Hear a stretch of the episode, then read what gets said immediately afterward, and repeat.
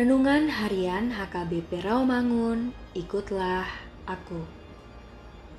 Selasa, 28 September 2021. Dengan judul Waktu Tuhan Pasti yang Terbaik.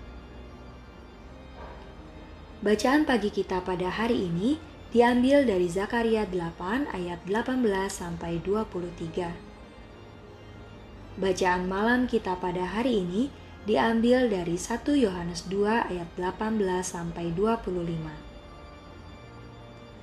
Dan kebenaran firman Tuhan pada hari ini diambil dari Efesus 5 ayat 16 yang berbunyi dan pergunakanlah waktu yang ada karena hari-hari ini adalah jahat.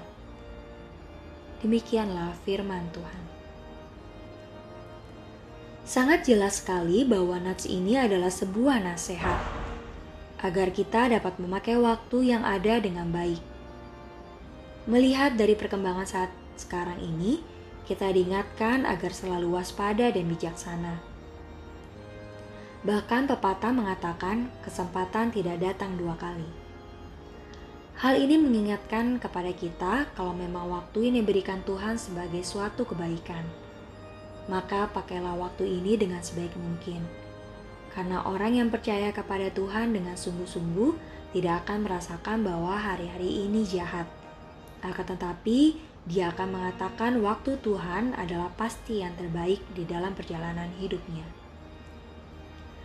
Karena waktu yang diberikan Tuhan dapat dipergunakan sebagai waktu anugerah, waktu harapan, maka jalanilah dengan bijaksana karena setiap orang pasti menginginkan untuk memiliki hidup yang bahagia dan sukses.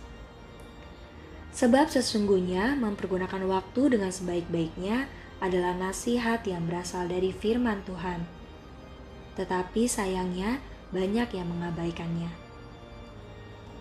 Hari-hari jahat yang dimaksud dalam nats ini adalah segala tipu muslihat iblis untuk mengagalkan masa depan kita dengan berbagai macam cara.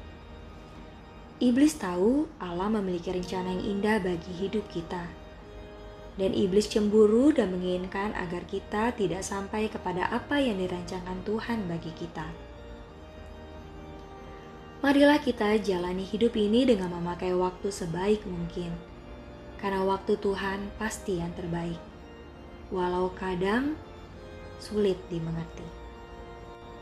Marilah kita berdoa.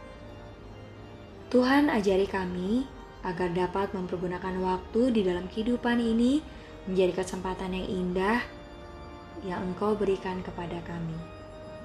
Amin.